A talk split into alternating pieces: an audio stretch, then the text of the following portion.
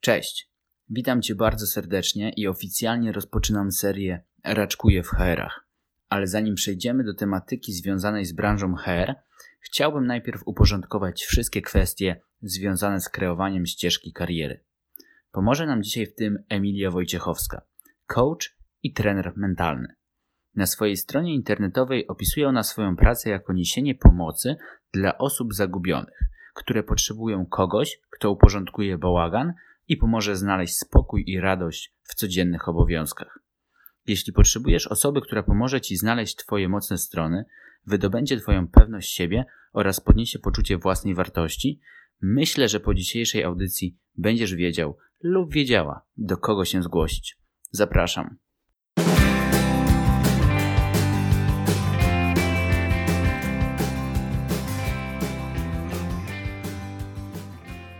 Cześć Emilia, witam Cię bardzo serdecznie. Cześć Filip, witam serdecznie Ciebie i Twoich słuchaczy. Dziękuję serdecznie za zaproszenie, tym bardziej, że jest to pierwszy odcinek, więc czuję się taka wyróżniona. Ja też bardzo się cieszę, że udało nam się spotkać. Co prawda to takie spotkanie przez internet, ale w bardzo słusznej sprawie, bo będziemy dzisiaj rozmawiać o kreowaniu kariery. No i oczywiście to ja dziękuję, że zgodziłaś się przyjąć moje zaproszenie i poświęcić mi troszkę czasu. Mm, Emilio, dużo osób może Cię kojarzyć ze szkoleń, treningów, webinarów, które prowadzisz, ale domyślam się, że taki typowy dzień trenera, coacha w pracy wygląda na co dzień, no może troszkę bardziej skomplikowanie. Czy mogłabyś powiedzieć mi i naszym słuchaczom, czym się zajmujesz i przed jakimi problemami wyzwaniami stoisz na co dzień? Fajne w moim zawodzie jest to, że tych problemów czy wyzwań y, tak naprawdę codziennie są inne codziennie tak naprawdę zmagam się z czymś innym.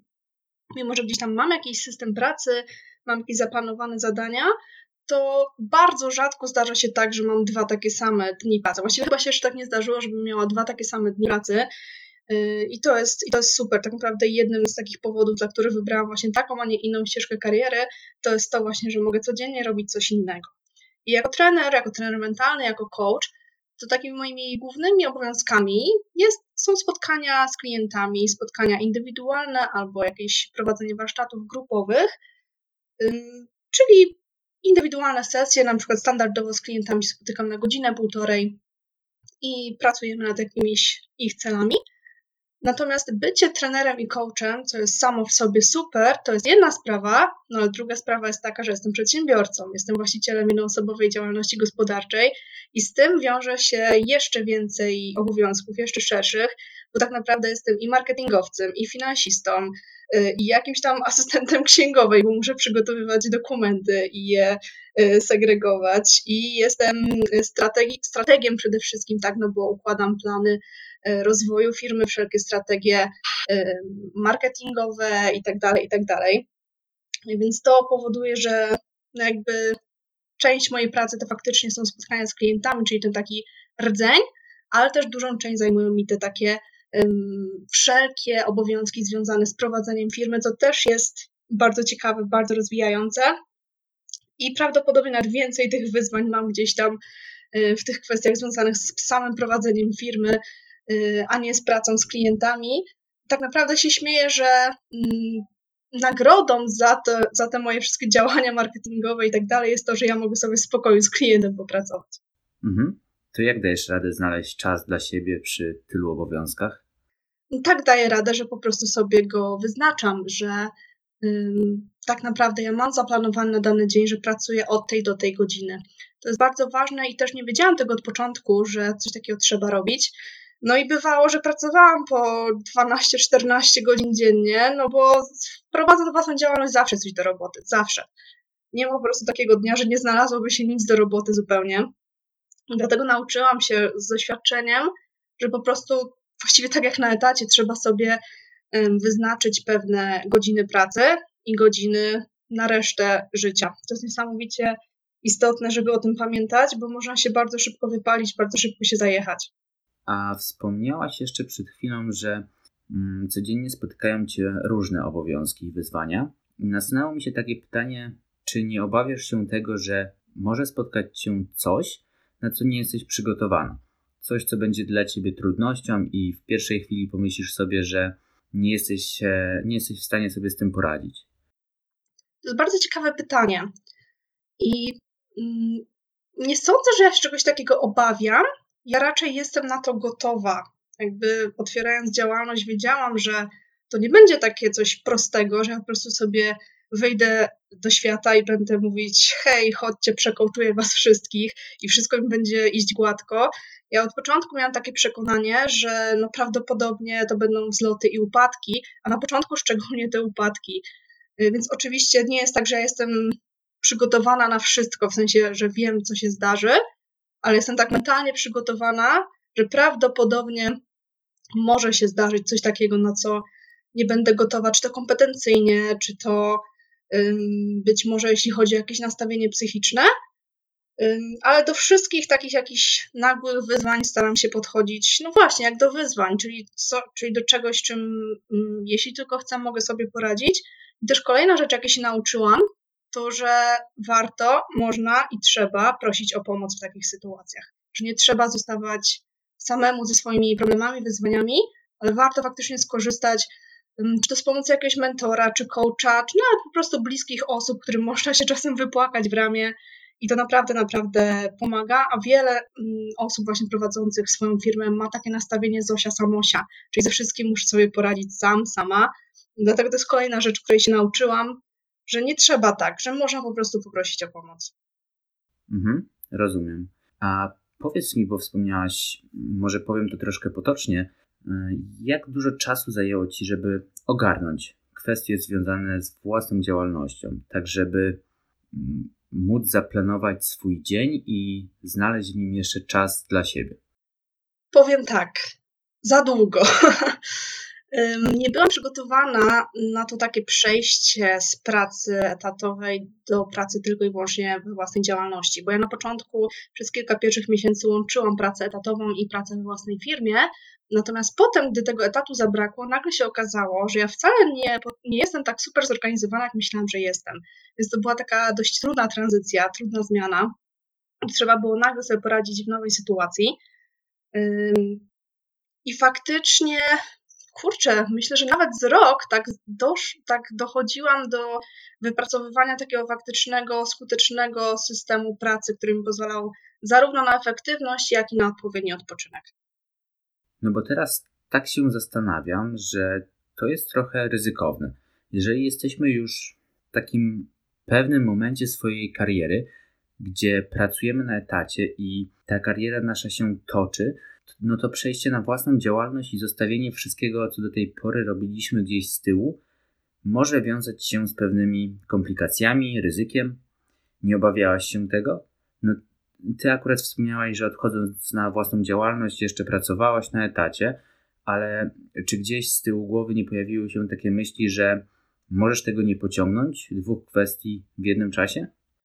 Oczywiście źle się pojawiały. Mało tego, do tej pory, no może teraz nie dwóch kwestii jednocześnie, ale tej jednej, czasem mam takie myśli, że może tego nie pociągnę dalej, bo to jest tak naprawdę dość naturalne, tak, że pojawiają się jakieś takie lęki, przede wszystkim dlatego, że no, tego nie znamy. Jeśli to jest dla nas nowa sytuacja, to to jest naturalne, że będą się pojawiać jakieś takie lęki, że nie damy rady, że nie pociągniemy tego, że no, no dlatego, że nigdy tego nie robiliśmy, więc nie wiemy tak naprawdę czego się spodziewać.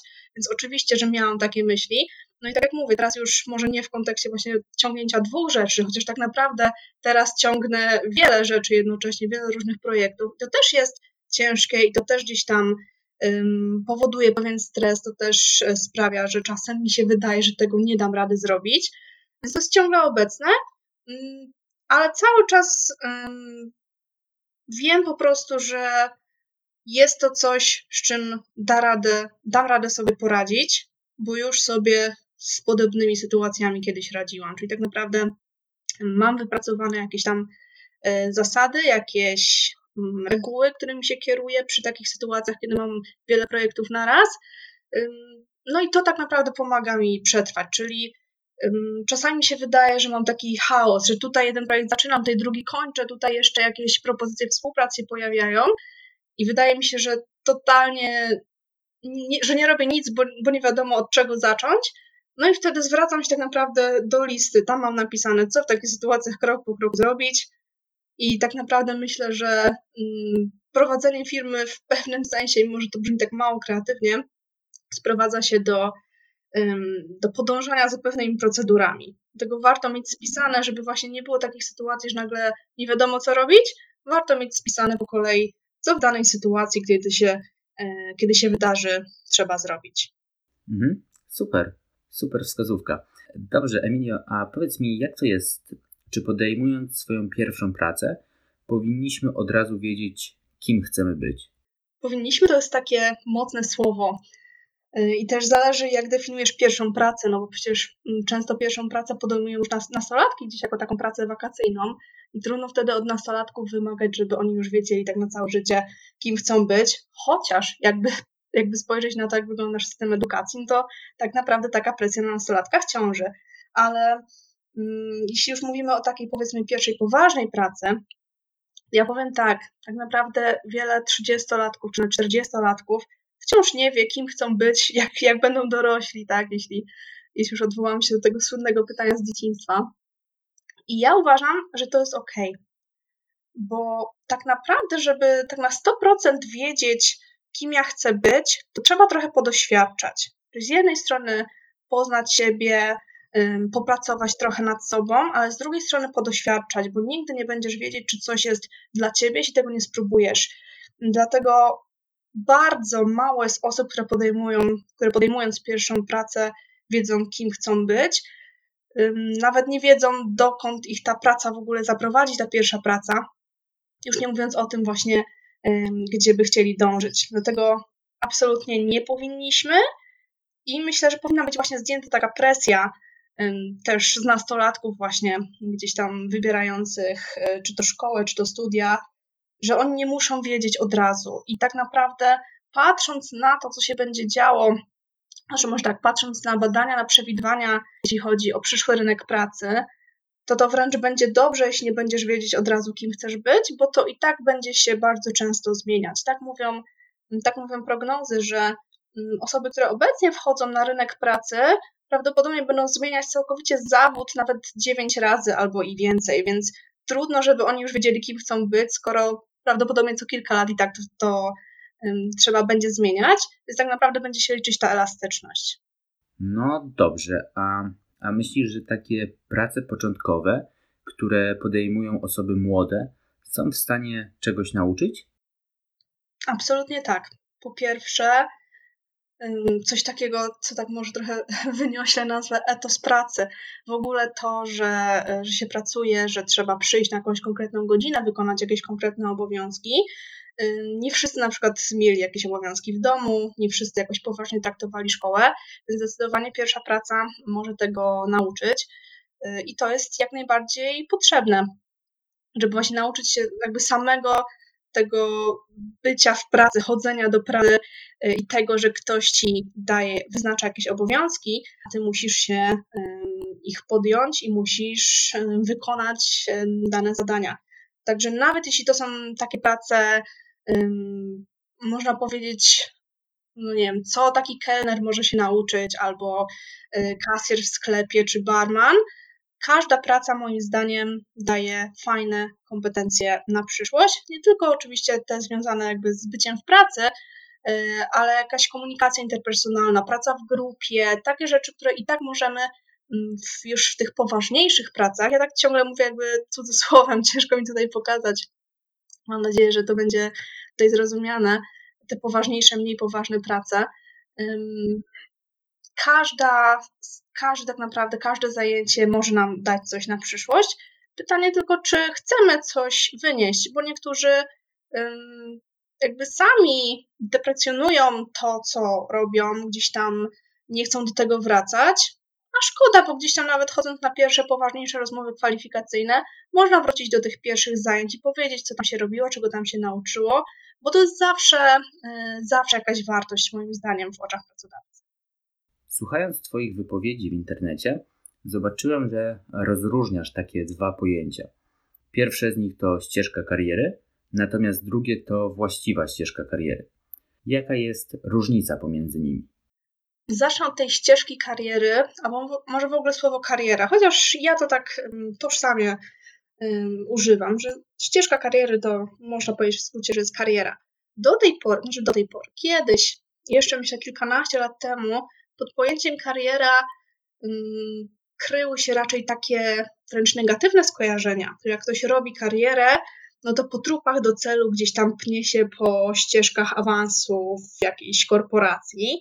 Natomiast teraz to mm, pojęcie trochę złagodniało i kariera czy ścieżka kariery to jest po prostu ten nasz taki, ta nasza cała historia zawodowa, co było do tej pory i co jest obecnie, czyli po prostu te kolejne kroki zawodowe, jakie podejmowaliśmy.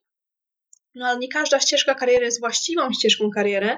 Właściwa ścieżka kariery, mam tutaj na myśli właściwa dla nas ścieżka kariery, czyli taka, kiedy nią podążamy, to czujemy, że satysfakcjonuje nas to, że się rozwijamy, że to jest to, co faktycznie chcemy robić, y, że widzimy jakiś postęp, że czujemy, że dana praca czy dany zawód daje nam radość i widzimy jakąś taką spójność. Nie zawsze to jest taka ciągłość, że na przykład ktoś jest przez całe życie księgowym i na przykład zaczyna od młodszego księgowego, a kończy gdzieś tam na e, głównym księgowym, tylko chodzi o taką spójność w sensie tak naprawdę realizowania własnych celów, czyli nauczyłem się tego, czego się chciałem nauczyć, e, spotkałem tego, kogo chciałem spotkać, e, awansowałem być może na taki poziom stanowiska, na jaki chciałem, na jaki chciałem awansować. Czyli po prostu właściwa ścieżka kariery, to tutaj dodajemy taki element, że jest to taka droga zawodowa, którą podążamy, bo chcemy, bo nam daje satysfakcję,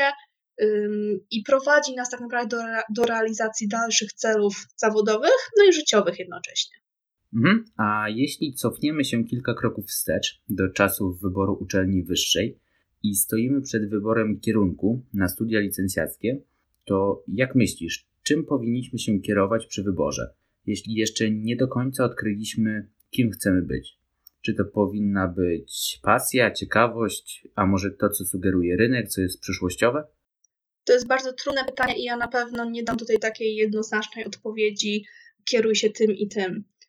Bo tutaj dużo jest czynników zależnych i tak naprawdę myślę, że najlepszą odpowiedzią byłoby kieruj się i pasją, i ciekawością, i tym, co Cię interesuje, i, i tym, co, czego oczekuje rynek. Natomiast ten rynek też się dość szybko i coraz szybciej będzie zmieniał w kolejnych latach. Więc tak naprawdę to, co teraz uważamy za przyszłościowe, być może faktycznie za tych kilka lat Y, już wcale nie będzie takie, takie oczywiste i takie oczekiwane. Dlatego w pierwszej kolejności ja bym się kierowała mocnymi stronami, tym, co dla nas jest taką naturalną umiejętnością, czymś takim, co wychodzi nam dobrze, z czym się dobrze czujemy. I zastanawiając się też właśnie, czy my będziemy w stanie te umiejętności sprzedać na rynku. Bo Mm, tak naprawdę mówiąc o tych, mm, czy coś jest przyszłościowe, czy nieprzyszłościowe, wszyscy gdzieś tam myślą o jakiejś jednej branży. Na przykład aktualnie jest to taka branża informatyczna, czy związana w ogóle z nowymi technologiami. Natomiast ja bardziej patrzę pod tym kierunku, mm, pod, w tym kierunku, czy ty będziesz w stanie w przyszłości sprzedać te umiejętności, tę wiedzę na rynku. Czyli mo, moim zdaniem można być takim zapaleńcem, takim pasjonatem, takim ekspertem w jakiejś dziedzinie teoretycznie mało przyszłościowej. No powiedzmy, że teraz tak są nazywane jakieś kierunki humanistyczne i znaleźć świetnie płatną pracę albo założyć dobrze prosperującą firmę, ale można też iść na studia przyszłościowe, powiedzmy informatykę, ale być przeciętniakiem albo i nawet gorzej niż przeciętniakiem, nie pokazywać nic, e, nic szczególnego, nie interesować się tym jakoś tak głęboko i mieć problemy ze znalezieniem dobrej pracy. Także ja wierzę, że dobry specjalista znajdzie pracę zawsze. To w takim razie skąd mamy wiedzieć, że będziemy w stanie sprzedać te umiejętności, które nabędziemy, lub te mocne strony, które wykształcą się podczas nauki? Właśnie to jest tak naprawdę w tym momencie, w którym my wybieramy ten kierunek studiów, czyli no 18-19 lat, to mało kto tak naprawdę to wie, niestety tak wygląda nasz e, system edukacji, że my bardzo dużo uczymy się o świecie, tak? o historii, o języku polskim, o matematyce, o biologii, o fizyce, a bardzo mało uczymy się o, o sobie, o samych sobie. I tak naprawdę mało kto kończąc szkołę średnią wie, jakie są jego mocne strony i tak naprawdę mało kto też wie, jak funkcjonuje dalej rynek pracy, czy rynek w ogóle taki już, jakby ktoś chciał działać, działać z własną firmą. Więc to jest naprawdę trudne zadanie, tak naprawdę, dla jeszcze nastolatka, żeby coś takiego określić. I ja tak naprawdę radziłabym zastosować coś takiego mało popularnego w Polsce i coś, na co pewnie też niewielu rodziców by wyraziło zgodę, a coś, co jest bardzo popularne e, za granicą, czy w Ameryce, czy w Wielkiej Brytanii, że nastolatkowie robią sobie tak zwany gap year, czyli taki rok przerwy pomiędzy szkołą średnią a dalszym kształceniem, żeby lepiej poznać siebie, lepiej poznać świat, poznać być może ludzi z różnych części świata, podoświadczać różnych rzeczy, po to, żeby właśnie wtedy zdecydować, zobaczyć, w czym ja się dobrze czuję, z ja się dobrze czuję, gdzie ja się dobrze czuję i gdzie ja mógłbym faktycznie te umiejętności zaimplementować. Bo jest to rozwiązanie, na które nie każdego stać, chociaż zazwyczaj jest to połączone z pracą, tak, przez ten rok. Nie każdy byłby też w stanie pewnie przekonać rodziców, że to jest dobre rozwiązanie. No, dlatego tak naprawdę to jest bardzo ciężkie zadanie, żeby wiedzieć to jeszcze przed wyborem studiów. Najczęściej te odpowiedzi przychodzą już na studiach. Często jest tak, że no, nagle się okazuje, że wybierając jeden kierunek studiów, to nie jest właściwy wybór.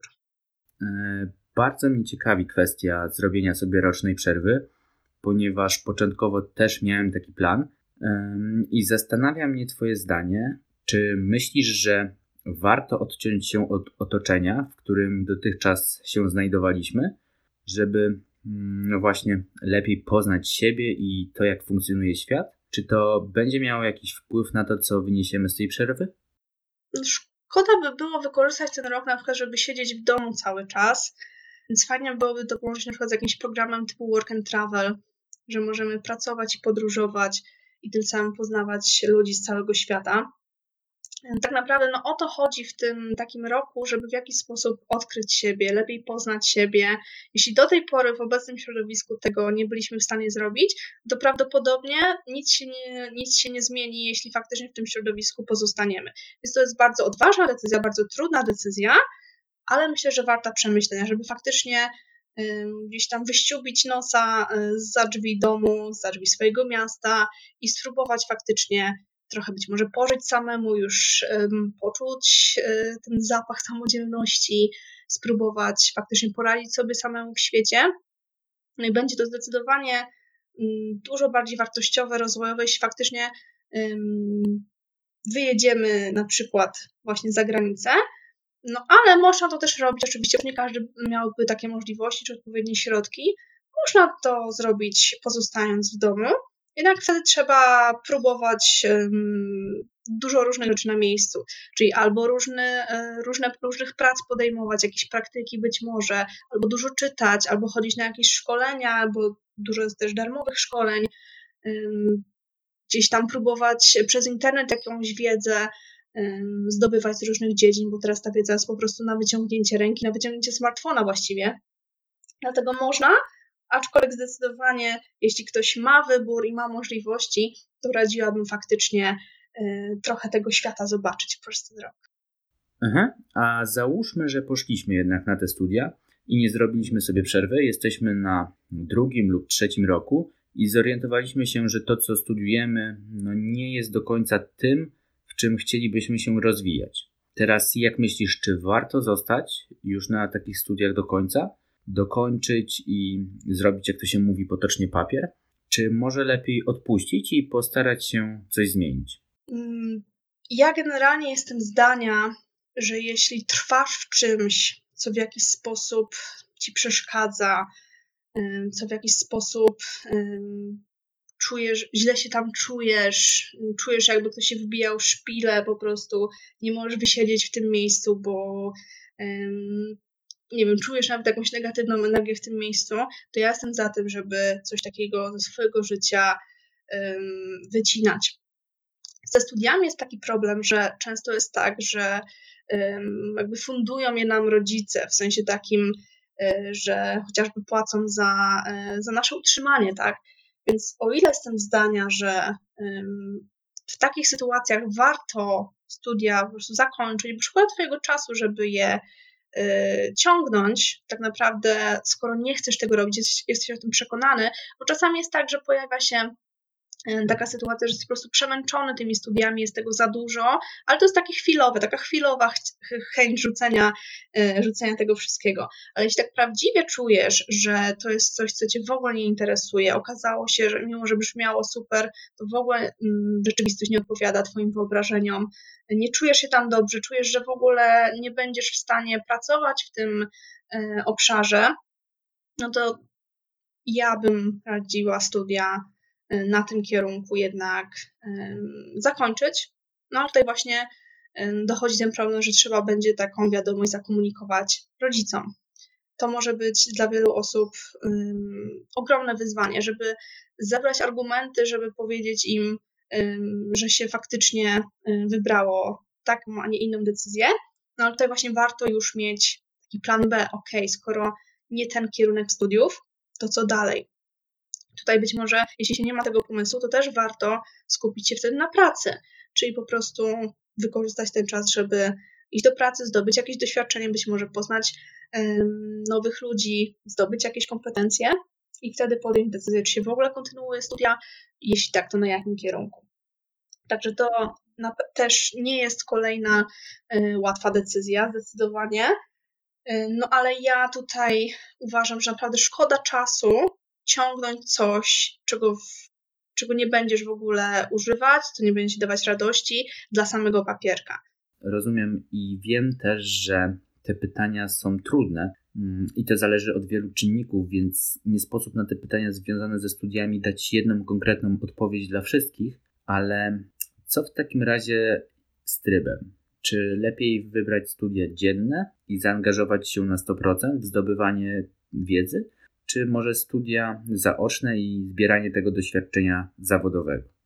Ja nie wiem, czy musi być tak, taka zależność, że jeśli studia dzienne, to 100% angażujemy się tylko i wyłącznie w naukę, bo wiele osób y, bardzo, y, wiele osób z sukcesem łączy y, studia dzienne właśnie z pracą zawodową. No niekoniecznie na pełen etat, zazwyczaj jest to jakaś praca dodatkowa, chociaż i takie sytuacje znam, że ktoś pracował na pełen etat i studiował dziennie, chociaż to już raczej studia magisterskie, gdzie tych zajęć jest mniej. No i właśnie tak jak mówisz, tutaj naprawdę dużo zależy i od kierunku, y, i od, i od tej branży tak naprawdę, w której pracujesz. Jeśli to jest, jeśli masz okazję pracować w czymś, w czym widzisz się w przyszłości i faktycznie to twoje doświadczenie już zdobywane od początku studiów ci się przyda, to dlaczego by nie postawić właśnie na to i na studia e, zaoczne?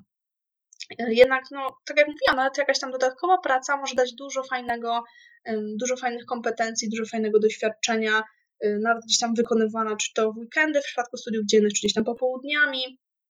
Ale tak naprawdę myślę, że jest niewiele studiów dziennych, tak, no, nie, inaczej, jest niewiele studiów, niewiele kierunków, które wymagają takiego Twojego zaangażowania, że nie znajdziesz w ogóle um, czasu na um, pracę dodatkową. Ba, ja nawet znałam studenta medycyny, który teraz jest świetnym lekarzem, a faktycznie dość dużo czasu spędzał w pracy um, dodatkowej, mój kolega. Więc przy dobrej organizacji, przy dobrym wyznaczeniu celów, ja myślę, że spokojnie da się połączyć dobre wyniki na studiach dziennych i pracę dodatkową. Nie trzeba, nie trzeba wtedy się przenosić na studia zaoczne, bo to też to jest tak naprawdę dość ciężka harówka. Ja sama, o ile studia licencjackie studiowałam dziennie, no to już studia magisterskie faktycznie wybrałam w trybie zaocznym, gdzie miałam taką już normalną, poważną pracę, 8-16, tak, no i do tego zajęcia w weekendy i ja to wspominam okropnie. To nie był każdy weekend, chyba to było co dwa tygodnie, no ale jak się tak przychodziło w piątek po pracy, to naprawdę chciało się odpocząć, a tu jeszcze coś trzeba przygotować na zajęcia, no i to w trakcie tygodnia właściwie też czegoś się nauczyć, jakiś projekt dokończyć, no i weekend cały tak naprawdę zajęty. Więc to jest naprawdę trudne. Ja podziwiam ludzi, którzy przez całe pięć lat studiują w trybie zaocznym i łączą to z pracą na pełen etat.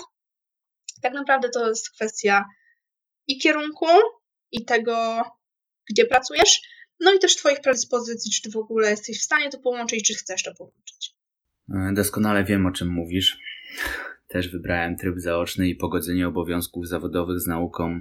Kiedy wychodzi jeszcze to tygodniowe zmęczenie, no czasami jest naprawdę, naprawdę ciężkie. Mm, no dobrze, zmieniając temat, bo ciekawi mnie Twoje zdanie. W sumie może bardziej, o, może bardziej odpowiedź na pytanie, czy istnieje jakaś metoda, którą sami moglibyśmy użyć lub zastosować w poszukiwaniu naszych mocnych stron. I chciałbym od razu też powiedzieć, do czego zmierzam, bo wydaje mi się, że często mamy takie poczucie no, nie nadawania się do czegoś, tak zbyt małej wiedzy, braku talentu, tak jakby wszystko dookoła jakoś miało się nam nie udać. Wszyscy mieliby odnieść sukces, a my jako jedyni stworzeni, stworzeni bylibyśmy do, e, do niczego. I powiedz mi, jak powinniśmy, na razie na własną rękę, bez pomocy specjalistów, szukać tego, co jest w nas dobre, czym możemy się wyróżnić? Na początek chciałam powiedzieć, że to takie wrażenie, że e, ja się do, czego, do niczego nie nadaję, nie mam żadnych mocnych stron, żadnych zalet, a wszyscy inni mają i w ogóle to osiągają sukcesy i są super, to myślę, że ma no tak określając co najmniej 90% polskich uczniów po szkole średniej, czy w ogóle po jakiejkolwiek szkole, bo niestety no, w naszym kraju, w naszym kręgu kulturowym tak naprawdę bardzo rzadko się szuka tego, co jest dobre, a szuka się tego, co jest złe. No, choćby taki prosty przykład, no, wydawałby się dla nas totalnie naturalny i normalny, jeśli jest sprawdzana praca domowa, wypracowanie, sprawdzian, no to się podkreśla na czerwono błędy, a nikt nie zakreśla na przykład na zielono tego, co jest dobre, tak? Zazwyczaj jak jak rodzice wracali z wywiadówki, to można było mieć 50 piątek, ale jak się trafiała jedna truja, no to było pytanie o tą truję, co wtedy poszło nie tak. Więc jesteśmy przyzwyczajeni właśnie do tego, żeby znajdywać co, to, co jest do poprawy, to, co jest e, złe, to, co nie jest na 100% zrobione, a nie jesteśmy przyzwyczajeni do tego, żeby właśnie um, podnosić to, co już jest nas dobre, podnosić oceny z, być może na na jakieś tam szóstki z piątek w tym, w czym naprawdę jesteśmy dobrzy, być może jakieś udziały w e, konkursach czy olimpiadach. I tak samo też niestety jest później w pracy, że często e, nacisk jest kładziony na to, co tam trzeba poprawić, na takie obszary do rozwoju, jak to się ładnie mówi, zamiast na to, co już jest dobre i co być może, na, jeśli spędzilibyśmy nad tym więcej czasu, to to by dało nam niesamowite rezultaty.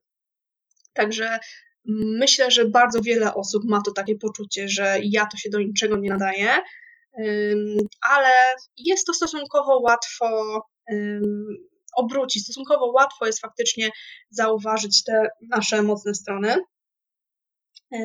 Przede wszystkim warto tak naprawdę zwrócić oczy w swoim kierunku czyli nie patrzeć na innych, jacy to oni są super, bo ja się mogę założyć, że oni też mają takie przemyślenia, że się do niczego nie nadają, tylko spojrzeć na siebie. Co mi ostatnio fajnie wyszło? Jakie zadania mi idą super? Nie mówię tutaj, um, znaczy mogą to być na przykład jakieś konkretne przedmioty w szkole, jeśli mówimy o o osobach jeszcze się uczących, ale też później już, e, jeśli słuchają to osoby pracujące, to już jakie zadania w pracy mi idą dobrze, szybko, z czym w ogóle nie mam problemów, z jakimi pytaniami inni się do mnie zwracają, w czym ja innym pomagam, czyli po prostu zaobserwować to, e, co e, faktycznie dobrze ci wychodzi. Tylko trzeba usunąć taki filtr z głowy, właśnie, że ja się do niczego nie nadaję, otworzyć trochę tę głowę i zobaczyć. No, w sumie faktycznie e, bardzo fajne wypracowania piszę. Albo wszyscy się mnie pytają e, o jakieś tam, żebym im pomógł w matematyce, tak? Czyli znaleźć jakieś takie rzeczy, e, patrząc na siebie takim łagodnym okiem, co mi wychodzi dobrze, w czym, ja się, w czym ja się dobrze czuję, w jakich zadaniach, E, kiedy mi czas szybko leci, bo to też wskazuje, że wtedy wpadamy w taki stan flow, przepływu, kiedy świat dla nas nie istnieje, my jesteśmy tak zaangażowani w jakieś zadanie, że nie zauważamy upływu czasu, to oznacza, że zazwyczaj wtedy właśnie korzystamy ze swoich mocnych stron. Czyli przede wszystkim ja bym powiedziała właśnie, że e, obserwowanie siebie, taka samoświadomość, można też spytać e, swoich bliskich, swoich znajomych, żeby oni nam wskazali, jakieś takie mocne strony, czy to, w czym jesteśmy dobrzy, czy nasze, czy nasze największe umiejętności. E, no i też nie potrzeba specjalisty, chociaż warto później, ale można sobie zrobić różne testy kompetencji czy testy talentów. Na przykład tak zwany test talentów Galupa, czyli aktualnie StrengthsFinder. Można ten test wykonać samodzielnie, samodzielnie przeanalizować wyniki. Jakby praca z, już tam z coachem mocnych stron też jest fajna, pomaga, y, ale zdecydowanie da radę to zrobić samemu, żeby zrobić test i go przeanalizować i jakoś wdrożyć wnioski w praktyce, bo tam dostajemy bardzo fajny y, raport też z pewnymi wskazówkami rozwojowymi. Mhm, a jeśli nie jesteśmy sobie w stanie z tym poradzić sami, e, udajemy się do coacha. I teraz jakimi metodami lub testami posługują się obecnie trenerzy?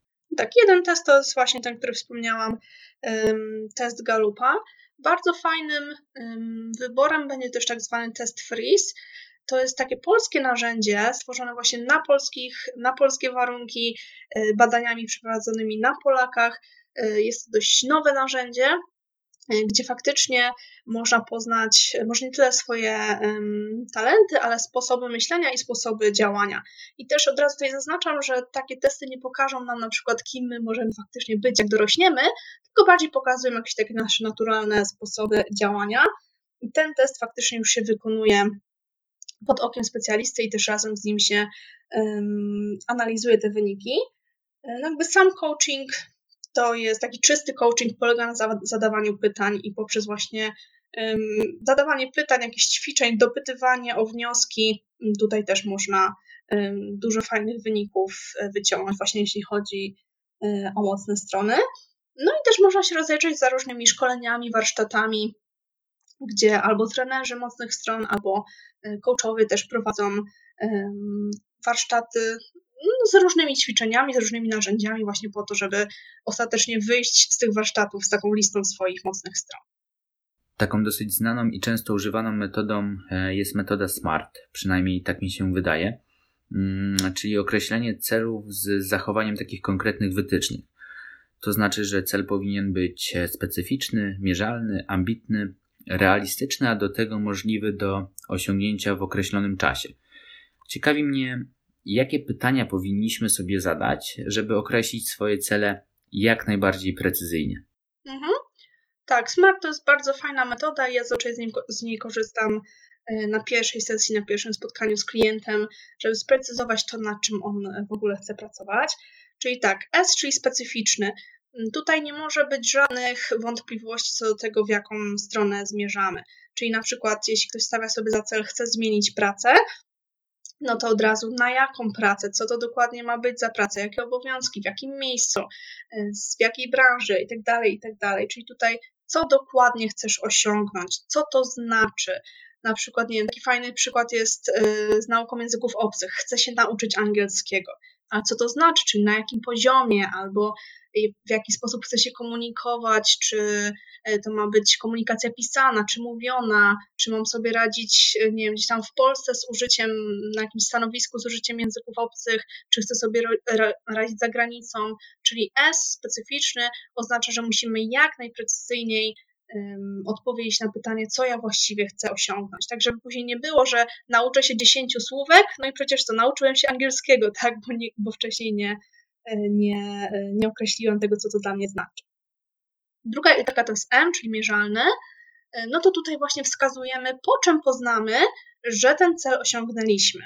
W przypadku nauki języka to może, to może być na przykład zdanie certyfikatu jakiegoś w szkole językowej albo właśnie zdobycie jakiegoś certyfikatu typu FC, żeby potwierdził po prostu naszą znajomość języka na danym poziomie. A, czyli ambitny, Tutaj mogą pomóc takie pytania jak co muszę poświęcić, żeby osiągnąć ten cel, y, co muszę zmienić, y, czyli jakby mm, w jaki sposób ja muszę się wybić z obecnego stanu, żeby ten cel osiągnąć. No bo, no bo ambicja generalnie chodzi o to, że no, zazwyczaj leżąc pod kocykiem z kakałem w ręku, y, no to jakichś super wielkich celów zazwyczaj nie osiągniemy, tak? Czyli jakby się tu wybić spod tego kocyka, żeby, żeby ten cel osiągnąć. No bo tak naprawdę no, łatwe cele y, dają bardzo małą satysfakcję, czyli co by mi dało satysfakcję, osiągnięcie jakiego celu, dlaczego właśnie osiągnięcie tego celu da mi większą satysfakcję. Tutaj zdecydowanie takie pytania mogą pomóc. R, czyli realistyczny, czyli czy w ogóle zakładany cel jest dla mnie osiągalny w kontekście y, czasu, w kontekście możliwości fizycznych, y, czy jakichś nawet uwarunkowań prawnych. Na przykład, jeśli ktoś powiedzmy chce pracować w policji, no to nie może być wcześniej karany, tak? Czyli nawet takie rzeczy musimy wziąć pod uwagę, właśnie szukając, ty, czy ten cel jest realistyczny, albo można sobie poszukać, czy znam kogoś, kto już taki cel osiągnął, żeby w ogóle sprawdzić, czy to jest możliwe. Jakie w ogóle argumenty świadczą o tym, że uważam, czy ten cel jest realny albo nierealny, czyli sprawdzić tak naprawdę, czy w ogóle my jesteśmy w stanie to osiągnąć. No i T, czyli określony w czasie, czyli do kiedy chcemy ten cel osiągnąć. I tutaj też to wtedy sprawdzamy z tym realistycznym, bo jeśli chcemy podnieść na przykład swoją znajomość angielskiego z A2 do C1, to się prawdopodobnie w dwa miesiące nie zdarzy, jeśli ktoś na przykład chciałby y, do końca stycznia to zrobić, tak? W momencie, kiedy ten odcinek się ukazuje. Ale już półtorej roku no to można też sprawdzić, tak, na przykład z jakimś lektorem, słuchaj, mam teraz taki poziom, chcę mieć taki poziom, ile by mi czasu to e, zajęło. Także tak naprawdę wyznaczanie celów warto potraktować poważnie i podejść do tego trochę jak do takiego śledztwa nawet właśnie, jeśli chodzi o tą, o tą realistyczność i, e, i wyznaczanie tego celu, żeby sprawdzić tak naprawdę, czy my w ogóle damy radę. Idealnie to wytłumaczyłaś. Emilio, e, wcześniej nawiązałaś do tego przy pytaniu o sprawdzeniu e, swoich mocnych stron, bo tam odniosłaś się do tego poczucia mm, no nie nadawania się do czegoś i poczucia zbyt małej wiedzy. I chciałem do tego wątku na chwilę się cofnąć. Powiedz nam, jak radzić sobie ze stresem, z takim poczuciem, że no nie do końca jest się e, dobrym w czymś, może trochę jest się trochę gorszym albo mniej doświadczonym od innych, bo mm, to jest taki temat, który myślę, że dotyka wiele osób, które zaczynają swoją pierwszą poważną pracę, ponieważ stykają się z tym środowiskiem, e, które w tej konkretnej branży jest od jakiegoś czasu, no a one zaczynają od zera. Jak sobie z tym radzić? Właśnie największym problemem takich osób jest to, że porównują się z osobami, które są w branży od kilku, kilkunastu lat. To jest zupełnie naturalne, że one wiedzą więcej, potrafią więcej, e, swobodnie się czują w tej branży, no bo są już tam od kilku, kilkunastu lat, więc to jest naturalne. Więc zamiast porównywać się z kimś, kto tam x lat jest w branży, porównuj się z kimś, kto na przykład jest w podobnym wieku, albo po podobnych studiach, albo faktycznie ma podobny staż w danej branży, co ty. Najlepiej to w ogóle porównuj się z samym sobą, czyli spójrz wstecz, zobacz ile już osiągnąłeś, żeby dojść do miejsca, w którym jesteś. Ja też powiem, miałam ogromny problem z tym, że porównywałam się z osobami, które w branży, jak zaczynałam, porównywałam się z osobami, które w branży są 5-10 lat i ja sobie myślałam, Boże, oni już mają tyle klientów, tyle fanów na Facebooku, tyle godzin coachingowych już wyrobionych, a ja tutaj zaczynam, po prostu jestem taka mała pchełka i co mi w ogóle, ja im dopiętnie dorastam, tak? Ale to jest naturalne, że oni mają większe doświadczenie, skoro zaczęli już x lat temu.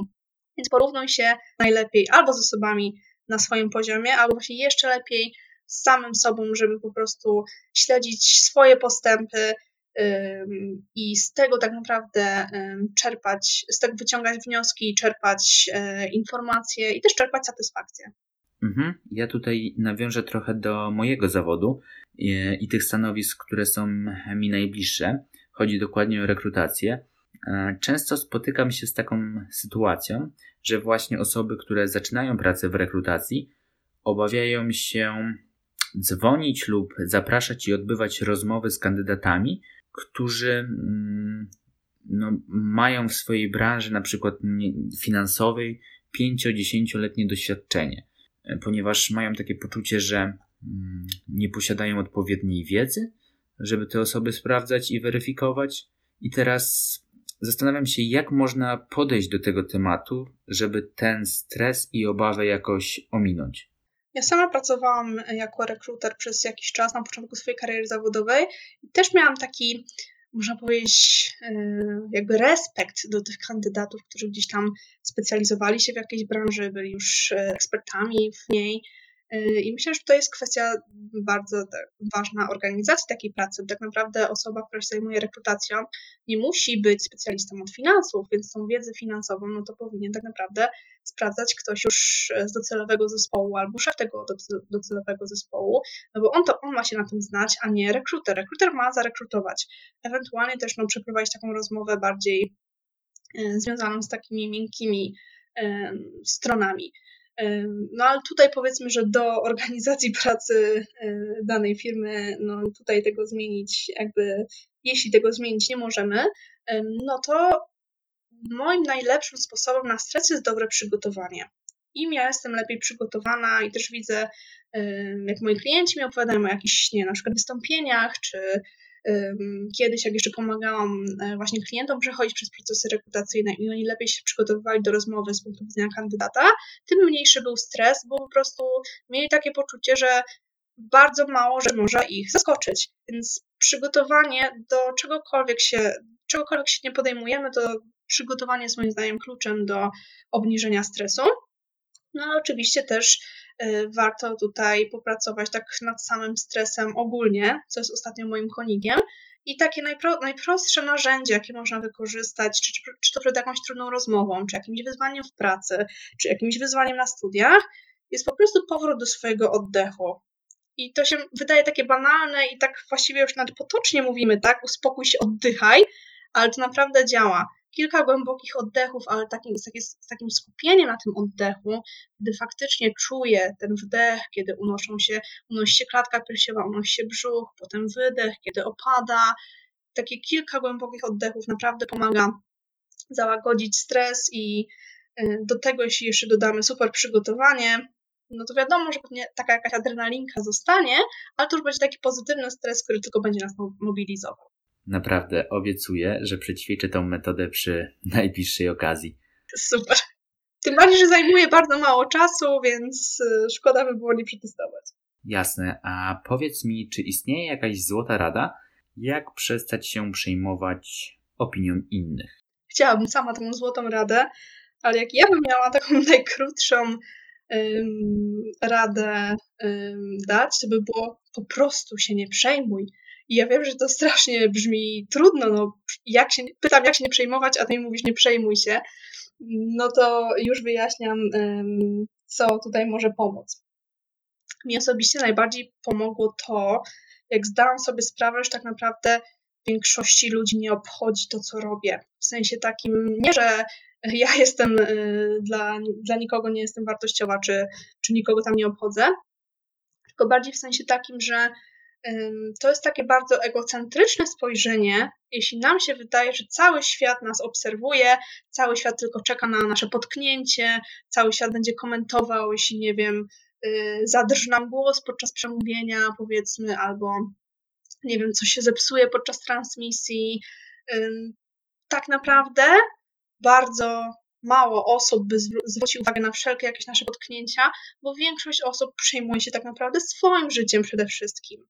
I takie zdanie sobie sprawy właśnie, że to jest właśnie tak naprawdę egocentryzm, jeśli ty myślisz, że wszyscy tylko patrzą na to, co ty robisz i tylko czekają na to, żeby cię ocenić, to myślę, że bardzo fajnie, fajnie tak ściąga taki balast z pleców, że no przecież, przecież to wcale nie jest tak, że wszyscy tylko patrzą i mi źle życzą. Myślę, że to jest też kwestia takiego właśnie zaufania do innych. Jeśli masz takie poczucie, że ludzie ci dobrze życzą, że chcą, żebyś odniósł sukces, że tak naprawdę chętnie ci pomogą, jeśli będziesz miał jakiś problem, to to też bardzo, bardzo pomaga, żeby przestać się w ogóle tym przejmować. No ale tak, generalnie takie, taka, takie nawet podjęcie decyzji, że nie przejmuje się opinią innych, to już bardzo dużo pomaga. I to, co powiedziałaś, chyba też bardzo często sprawdza się w życiu prywatnym, nie tylko e, tym zawodowym. Tak, zdecydowanie. Ja jeszcze może tutaj dodam, że żeby też, tak jak też wspominałam tutaj przy tych mocnych stronach, żeby tutaj skupić się na tym, co jest dobre faktycznie. No bo jeśli my się boimy tej opinii innych, oceny innych, to zazwyczaj dlatego, że gdzieś tam skupiamy się na tych swoich słabszych stronach albo na tym, co nam może nie wyjść. A jeśli tutaj będziemy przede wszystkim skupiać się na tym, co już nam wyszło, jakie sukcesy mamy za sobą, co już osiągnęliśmy, jakie mamy mocne strony, jakie mamy umiejętności, to też tak naprawdę nawet nie będą dochodzić do głosu takie myśli, że inni coś tam o nas pomyślą. Mhm, zgadza się. A powiedz, co jest Twoim zdaniem najtrudniejsze w zmianie? Mam tutaj takie dwa, dwa punkty. Pierwsze, co jest najważniejsze, to jest podjęcie w ogóle decyzji o zmianie. Nam się czasem wydaje, że my podjęliśmy tę decyzję, na przykład poprzez postanowienia noworoczne. To jest taki temat akurat nadchodzący, gorący. Nam się wydaje, że jeśli my powiemy, dobra, y, od stycznia chodzę na siłownię, to to już jest podjęta decyzja o zmianie. A zazwyczaj tak nie jest. Y, czyli po pierwsze podjęcie decyzji, czyli takie pełne przekonanie o tym, że ty tej zmiany potrzebujesz, że ona jest ci potrzebna i że ona będzie dla ciebie przydatna. No i tutaj też warto faktycznie wtedy użyć tego smarta, żeby sobie wyznaczyć ten cel. I dzięki temu też możemy sprawdzić podczas pracy ze smartem, czy faktycznie my tej zmiany chcemy, my jej oczekujemy. Czyli po pierwsze podjęcie decyzji, a drugie, kiedy już podejmiemy decyzję, już będziemy przez te zmiany przechodzić w jakiś sposób, to problemem drugim jest taka jakby huśtawka emocjonalna. Gdy jesteśmy w zmianie, to my przechodzimy przez różne fazy, no i są to wzloty i upadki raz jesteśmy na takim haju, że w końcu coś się zmienia, że e, ruszyliśmy gdzieś ze swoim życiem, a za chwilę przychodzi taki spadek, że no przecież kurde, mogłem nic nie robić, przecież było fajnie, wygodnie, a sobie coś tam wymyśliłem. To, to bardzo fajnie pokazuje krzywa zmiany Fischera. Być może będziemy mogli to dołączyć. Napisałam o tym w sumie artykuł na blogu, więc być może tutaj podlinkujemy dla słuchaczy, żeby zobaczyć, jak wygląda ta krzywa Fischera ale ona bardzo fajnie pokazuje różne fazy, przez które przechodzą ludzie w zmianie. I tutaj ważne jest to, żeby wiedzieć po prostu, że to jest naturalne, że będą przychodzić takie momenty, kiedy ta zmiana ci się nie będzie podobać, nie będzie wygodna. Więc już samo to, sama świadomość tego, że będą te wzloty i upadki, zdecydowanie pomaga y, zmianę przetrwać. Czyli tak, podsumowując, to podjęcie decyzji, no i faktycznie radzenie sobie z tą taką huśtawką emocjonalną w trakcie. Mhm. Super. Super, że wspomniałaś o wpisie na blogu. Na pewno ten link dodam w opisie, żeby każdy mógł wejść i zapoznać się z jego treścią. Mm, a teraz powiedz mi, kto może zostać coachem i trenerem kariery? Okej, okay, tak tylko um, krótko rzucę, że coach i trener to są dwa różne zawody um, i trzeba też nieco innych kompetencji, ale to myślę, że jest nawet temat na, na osobny odcinek, więc więc to już zachęcam, żeby sobie poszukać o różnicach. No ale są pewne części wspólne. Ale może skupię się na, na tym coachingu, bo to jest jednak um, bliższ, bliższa mi forma pracy. Przede wszystkim trzeba lubić ludzi. Nie wyobrażam sobie, że ktoś, kto nie wiem, wypisuje gdzieś tam hasła w social media, Boże, nienawidzę ludzi, nienawidzę świata, że podejmuje tego typu pracę. Bo ludzi trzeba lubić, żeby im chcieć pomagać właśnie ta chęć pomocy to jest też niesamowicie mm, ważny element, coś takiego, co tak naprawdę pcha ludzi właśnie najczęściej do, do tego typu zawodów, to jest to, że chce się po prostu ludziom pomóc, że zauważa się, że ludzie mają jakieś konkretne problemy i my albo mamy na to rozwiązania, albo wiemy, że w jakiś sposób możemy tych ludzi wesprzeć. Więc to jest też bardzo ważne, że po prostu czuć taką wewnętrzną chęć pomocy drugiemu człowiekowi. Kolejna rzecz to jest umiejętność i chęć słuchania. To też nie jest takie oczywiste. To, że mamy uszy, to nie znaczy, że potrafimy słuchać. Czasem e, nie wiem, zadajemy komuś pytanie, a potem w ogóle mm, nie słuchamy odpowiedzi, bo skupiamy się na tym już, co my odpowiemy tej osobie, jeśli zada to pytanie z powrotem. Dlatego umiejętność aktywnego słuchania jak najbardziej.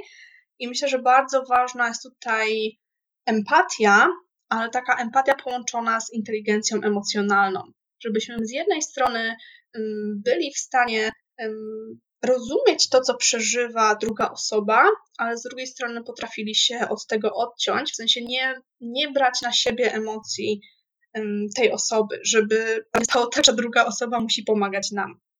To są takie podstawowe rzeczy. No, oczywiście tutaj wszelkiego rodzaju umiejętności interpersonalne, komunikacyjne są na plus. No jeśli chodzi o sam już e, temat e, coachingu kariery, no to znajomość jakichś narzędzi, które wspierają ten, ten obszar, wspierają klientów właśnie w poszukiwaniu właściwej ścieżki kariery. Ale kwestia narzędzi to już jest coś takiego, co y, tak naprawdę można sobie wypracować, czy gdzieś tam doszkolić się na kolejnych szkoleniach. W ogóle zawód coacha, trenera to jest coś, co nie jest w żaden sposób uregulowane, czyli teoretycznie każdy może sobie postawić tabliczkę coach przed nazwisk, przed sobą, czy powiesić tabliczkę przed jakimś gabinetem.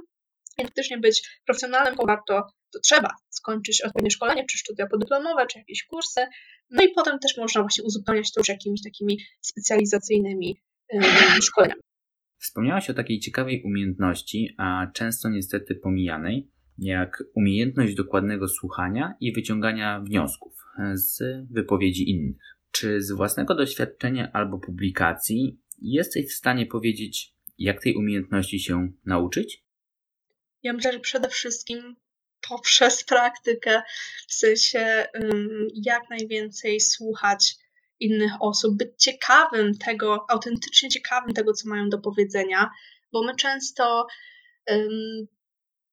no ponieważ jesteśmy w pewien sposób egoistami, tak ogólnie rzecz biorąc, mamy tendencję do tego, że gdy zadajemy pytanie, to po to, żeby właśnie potem móc y, na to pytanie odpowiedzieć. Czyli tak naprawdę nie interesuje nas to, co ten drugi człowiek ma do powiedzenia, tylko to, że my chcemy na przykład czymś się pochwalić. Więc przede wszystkim taka właśnie takie słuchanie z ciekawością tego, co ten drugi człowiek ma do powiedzenia, jaką ma historię, co przeżył. Można y, chociażby, myślę, że bardzo fajny pomysł, to jeśli ktoś ma jeszcze żyjących dziadków, posłuchać historii ich życia, podopytywać, jak wyglądało życie w dawnych czasach, jak, z jakimi problemami się z jakimi problemami się borykali kiedyś, podpytać o historię swojej rodziny. Myślę, że to będzie doskonała nauka takiego słuchania. No i plus oczywiście jeszcze dodatkowa taka nauka e, życia ogólnie, że tak powiem. No i oczywiście też e, budowanie relacji ze swoją rodziną. Wow, no tej metody nie znałem, więc e, dziękuję Ci za to polecenie. To też będę musiał wypróbować, świetnie. Emilio, chciałbym na koniec wrócić do tego, czym zajmujesz się na co dzień, czym zajmujesz się obecnie. Mm, nasze nagranie wyjdzie prawdopodobnie na początku grudnia, a z tego co mi wiadomo, w styczniu wydajesz swoją książkę. Mogłabyś opowiedzieć słuchaczom trochę więcej, czego mogą się spodziewać, dla kogo będzie ta książka, jakie tematy będzie poruszać? Jasne, z miłą chęcią. Tak, jeśli wszystko dobrze pójdzie, także trzymajcie kciuki wszyscy słuchacze i ty Filipie, to właśnie w styczniu wydam swoją pierwszą książkę o tytule Idealnie dopasowana. Będzie ona mówić yy, o znajdywaniu dla siebie idealnie dopasowanej pracy. Ważne, nie pracy idealnej, nie pracy wymarzonej, ale idealnie dopasowanej. Tam też będę w książce tłumaczyć właśnie, co to znaczy, jakie ja widzę yy, różnice. Tak naprawdę opowiadam tam właśnie taką swoją filozofię szukania tej odpowiedniej pracy, dla siebie. Książka zdecydowanie będzie dla osób, które czują jakąś taką ścianę w życiu zawodowym, że doszli do pewnego momentu i nie wiedzą co dalej. Tak, so, tak się zastanawiam, raczej nie będzie ona tak dla nastolatków, którzy szukają pomysłu na siebie, bo ja tam bardzo często się odwołuję do doświadczeń e, zawodowych osób czytających. Być może już dla osób e, kończących studia jak najbardziej, E, I zdecydowanie nie będzie to tylko dla osób, które pracują e, albo chcą pracować na etacie, ale też dla przedsiębiorców, bo to jest bardzo ciekawe zjawisko, ostatnio obserwuję. Ostatnio dosłownie 99% klientów, którzy się do mnie zgłaszają, to są przedsiębiorcy, którzy w jakiś sposób wypalili się z tej swojej pasji, na podstawie której założyli swoje firmy, nie wiedzą tak naprawdę, czy nadal chcą się zajmować tym, co do tej pory się, czym, czym do tej pory w swojej firmie się zajmowali, więc też będzie taką pomocą dla, y, dla tych ludzi, dla tych osób, którzy y, którzy właśnie nie wiedzą, co dalej, chcą podjąć decyzję, czym powinni się dalej zajmować. Będzie to książka praktyczna bardzo, Dużo będzie ćwiczeń właśnie po to, żeby lepiej poznać siebie, również żeby y, wyznaczyć swoje mocne strony, no i żeby ostatecznie być może znaleźć dla siebie taką idealnie dopasowaną pracę. I książka równocześnie wyjdzie z kolejną edycją mojego kursu online, również pod tytułem Idealnie dopasowana, znać pracę skrojoną na miarę. Y, I tak naprawdę można powiedzieć, że książka będzie uzupełnieniem kursu, ale tak naprawdę funkcjonują jako dwa osobne produkty, czyli można tak naprawdę bardzo fajnie sobie pomóc, zarówno tylko czytając książkę, jak i tylko e, wykonując kurs. Także razem z sprzedażą książki ruszy też sprzedaż kolejnej edycji kursu, to będzie już trzecia edycja. Mhm, czekam z niecierpliwością na pierwsze wydania i trzymam już bardzo mocno kciuki. Mm, a odnośnie szkoleń i kursów, które prowadziłaś do tej pory, czy te kursy, które prowadziłaś, są jeszcze dostępne? Można je gdzieś e, zakupić? Jeśli chodzi o kursy online, to ja je wypuszczam w takich seriach, tak zwanych launchach, czyli można je zakupić przez jakiś określony czas, dlatego że są to kursy, w których ja bardzo pomagam, czy ja się tam angażuję.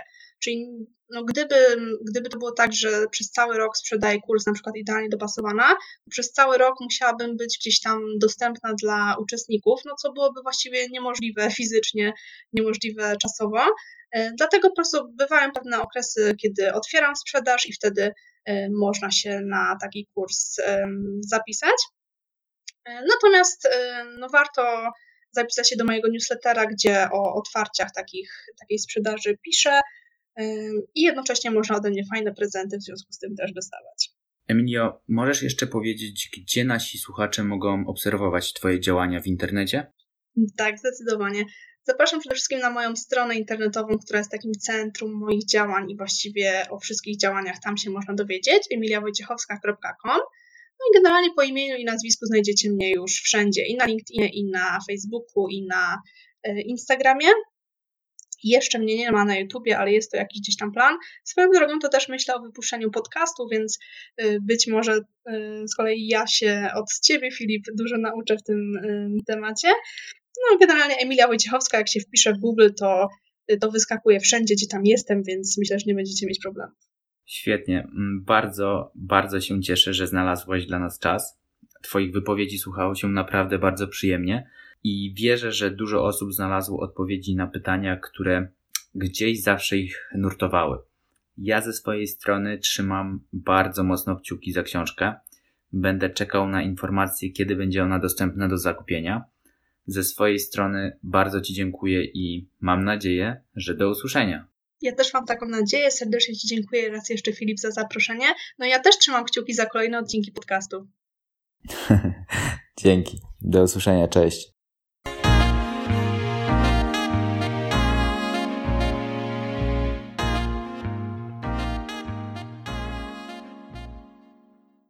Wielkie dzięki, że byliście dzisiaj z nami i wysłuchaliście audycji do końca. No nie ukrywam, to był dla mnie duży stres, ponieważ jest to taki pierwszy odcinek w formie wywiadu. Nie wiedziałem, e, jak to wyjdzie i czego się mogę spodziewać, ale wyszło moim zdaniem super. Mm, Emilia dała naprawdę dużo fajnych wskazówek i przekazała sporo przydatnej wiedzy, więc jestem bardzo zadowolony. Mm, wybaczcie mi proszę słabą jakość dźwięku z mojej strony. Tutaj zawiódł mikrofon. W drodze jest już nowy, więc mam nadzieję, że kolejne odcinki będą już dużo lepsze jakościowo. No i chciałbym jeszcze dodać, że prawdopodobnie nie będę prowadził żadnego fanpage'a na Facebooku, ale stworzę grupę o nazwie kanału, czyli Raczkuję w Herach, więc możecie mnie e, gdzieś tam wyszukać. Mm, żebyśmy mogli po prostu wymieniać się opiniami, poradami, ewentualnie żebyście mogli mnie o coś zapytać albo inne osoby, tak żebyśmy sobie nawzajem pomagali, bo po to to robimy, mm, po to robię ten, e, ten e, podcast. Będę też na Instagramie, tam też możecie mnie znaleźć. E, o nazwie prawdopodobnie kanału, zobaczymy czy ta nazwa będzie wolna, trzymam kciuki, e, oby była. No i z mojej strony myślę, że na razie to tyle. Dzięki, że, że jesteście i do usłyszenia za tydzień.